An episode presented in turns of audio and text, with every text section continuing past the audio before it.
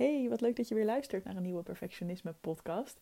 Mijn naam is Evelien Bijl en ik wil het vandaag met je hebben over emotioneel perfectionisme. Oeh, heb je enig idee wat ik bedoel als ik dat zeg, als ik die term gebruik?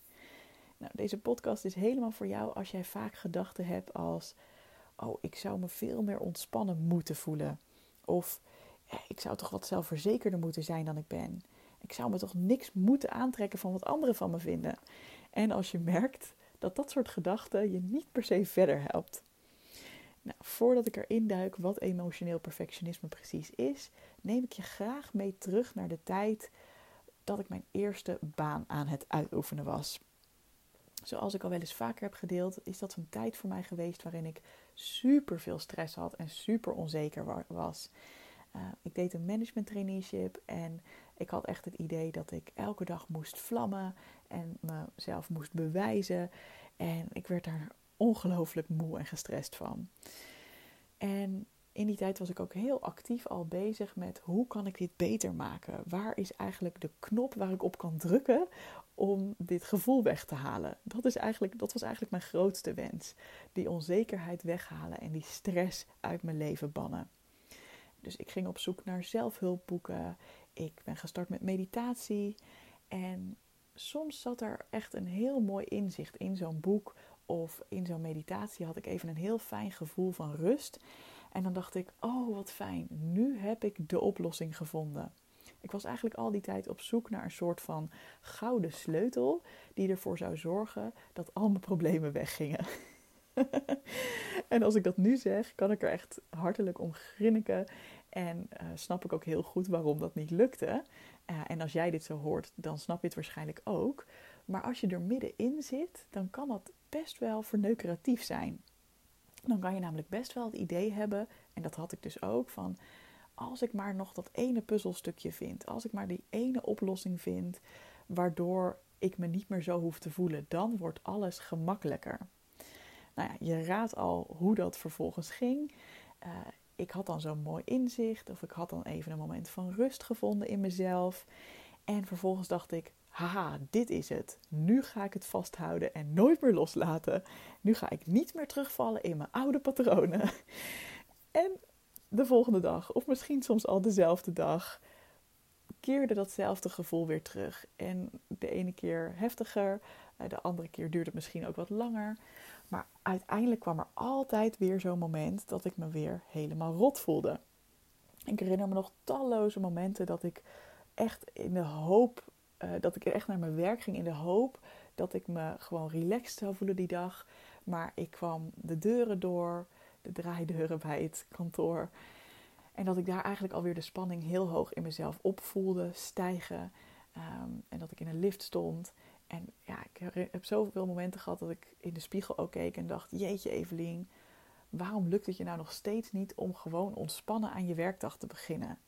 En ik werd daar ook eigenlijk best een beetje bozig om uh, op mezelf. En wat er eigenlijk hier gebeurde, is dat mijn kritische rechter actief werd. Mijn kritische rechter, dat is iets wat iedereen heeft, een stemmetje dat iedereen heeft, dat erg negatief is over jou, dat altijd het verkeerde weet aan te wijzen en dat vooral gefocust is op alles wat er beter moet aan jou. En dit is dus ook wat ik bedoel met emotioneel perfectionisme. Kijk, perfectionisme is uiteindelijk een reactie op de angst om niet goed genoeg te zijn.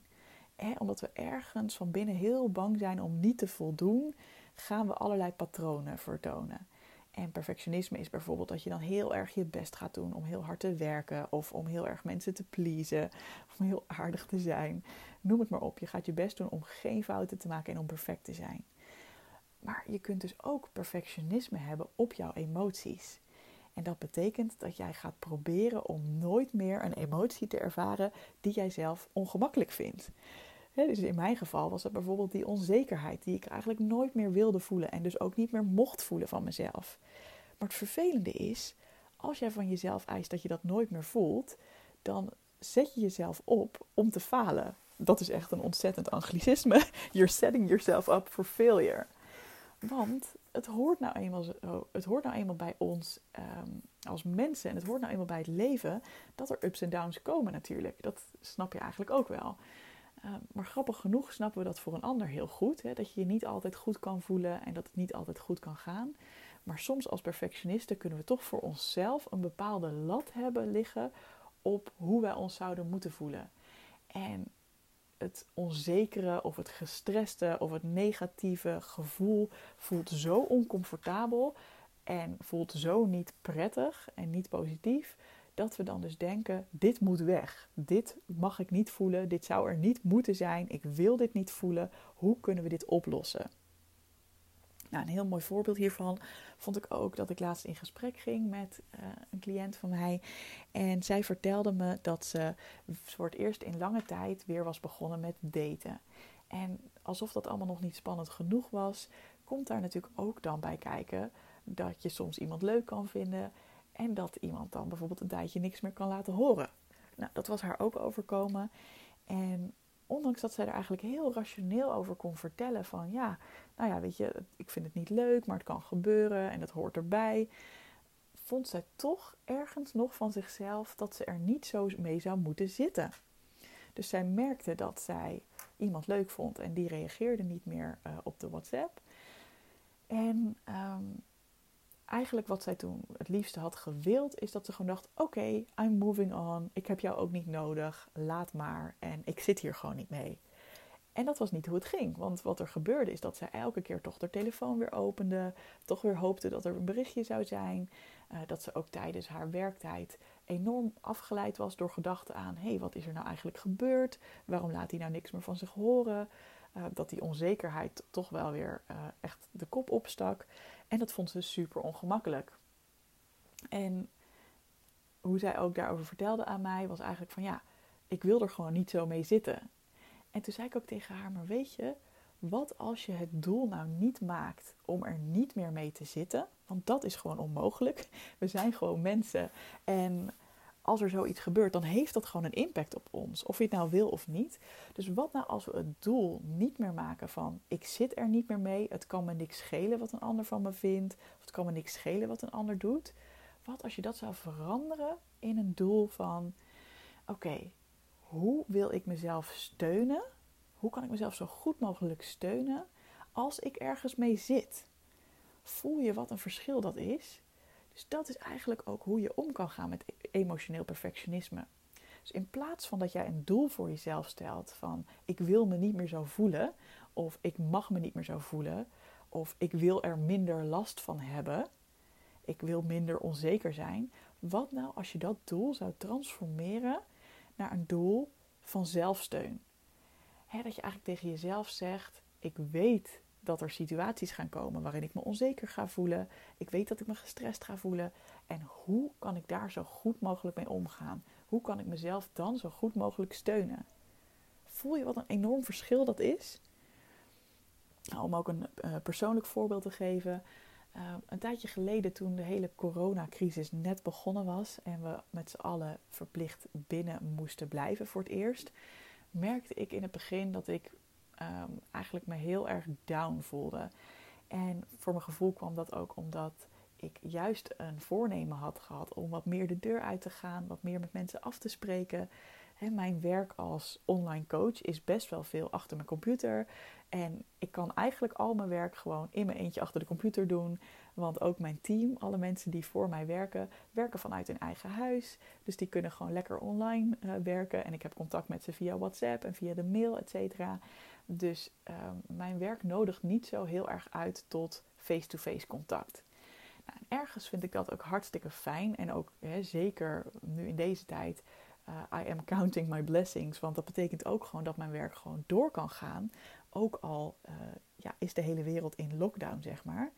Maar wat ik wel merkte is dat ik op een gegeven moment wel heel erg behoefte had aan ook weer met businessvrienden afspreken in het echt. En ook gewoon eens kunnen sparren met mensen uh, in real life. En dat was ik net een beetje meer aan het doen, omdat ik had gemerkt dat ik daar behoefte aan had. En toen, bam, kwam dit uh, hele verhaal eraan. En kon ik dus ineens veel minder makkelijk de deur uit. En was dat gewoon wat minder de bedoeling. En in plaats van hè, wat, er dus had kunnen gebeuren, ik had dus kunnen denken: Jeetje, Evelien, je moet je niet zo voelen. Waarom zit je hier nou zo mee? Je bent toch niet ziek, er is toch niks ergs aan de hand, je bedrijf kan gewoon doorlopen, dus wat stel je je nou aan? Weet je, dat waren allemaal dingen die ik vanuit emotioneel perfectionisme tegen mezelf had kunnen zeggen en hoe ik me ook had kunnen voelen. Ehm, en wat ik zeker vroeger gevoeld en gezegd zou hebben. um, en eh, in het begin vond ik het heus wel even ongemakkelijk hoor. Want ik heb echt even een paar dagen gehad dat ik gewoon niet lekker in mijn vel zat.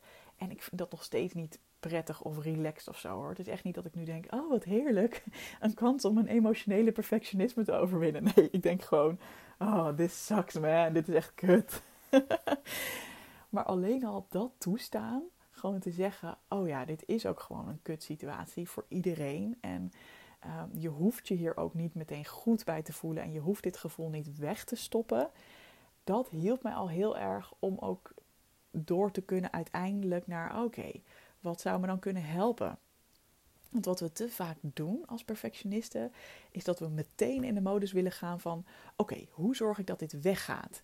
Maar eigenlijk is dat weer als die metafoor van die ballon die je opgeblazen hebt en heel hard onder water probeert te drukken als jij je emoties niet mag voelen en als jij vindt dat je je anders zou moeten voelen en meteen in een soort van oplossingsmodus schiet, zodra je ook maar iets ongemakkelijks voelt, dan is dat eigenlijk dus alsof je die ballon keihard onder water aan het duwen bent. En je weet gewoon, vroeg of laat knalt die weer keihard omhoog. Dus dat heeft gewoon niet zoveel zin. Dus in plaats daarvan zou ik je willen uitnodigen, kan je die ballon gewoon even laten ronddrijven. Ik heb het al dus vaker gezegd volgens mij. Uh, en kun je gewoon eens kijken van, hé, hey, wat zit hier eigenlijk in, al die, in die ballon? Misschien kun je het knoopje even losmaken en gewoon de lucht eruit te laten, laten lopen. Nou, in die metafoor, wat ik daarmee bedoel, is juist even het gevoel voelen dat er is. Juist even stilstaan bij, ah, hoe gaat het nu met me? Oké, dat even goed doorvoelen, daar de ruimte voor nemen. Misschien ook even opschrijven of even met iemand bespreken, zodat je het niet wegstopt en gewoon maar verder gaat met oké, wat kan ik doen om me beter te voelen? Maar echt even op die pauzeknop drukken.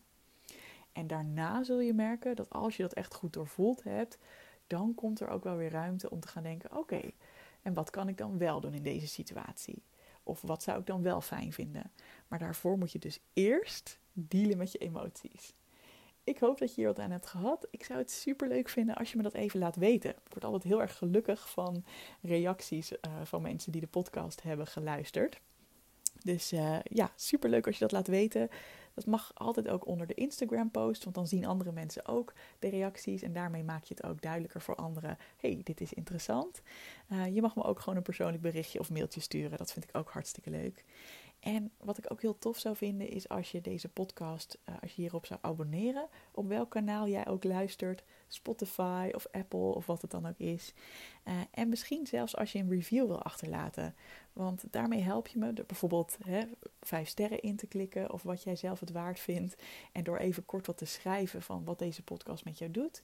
Daardoor zorg je er ook voor dat andere mensen het makkelijker terug kunnen gaan vinden in hun tijdlijn. Dus mocht je het waardevol vinden, dan uh, zou ik dat heel erg tof vinden als je daar de tijd voor wil nemen.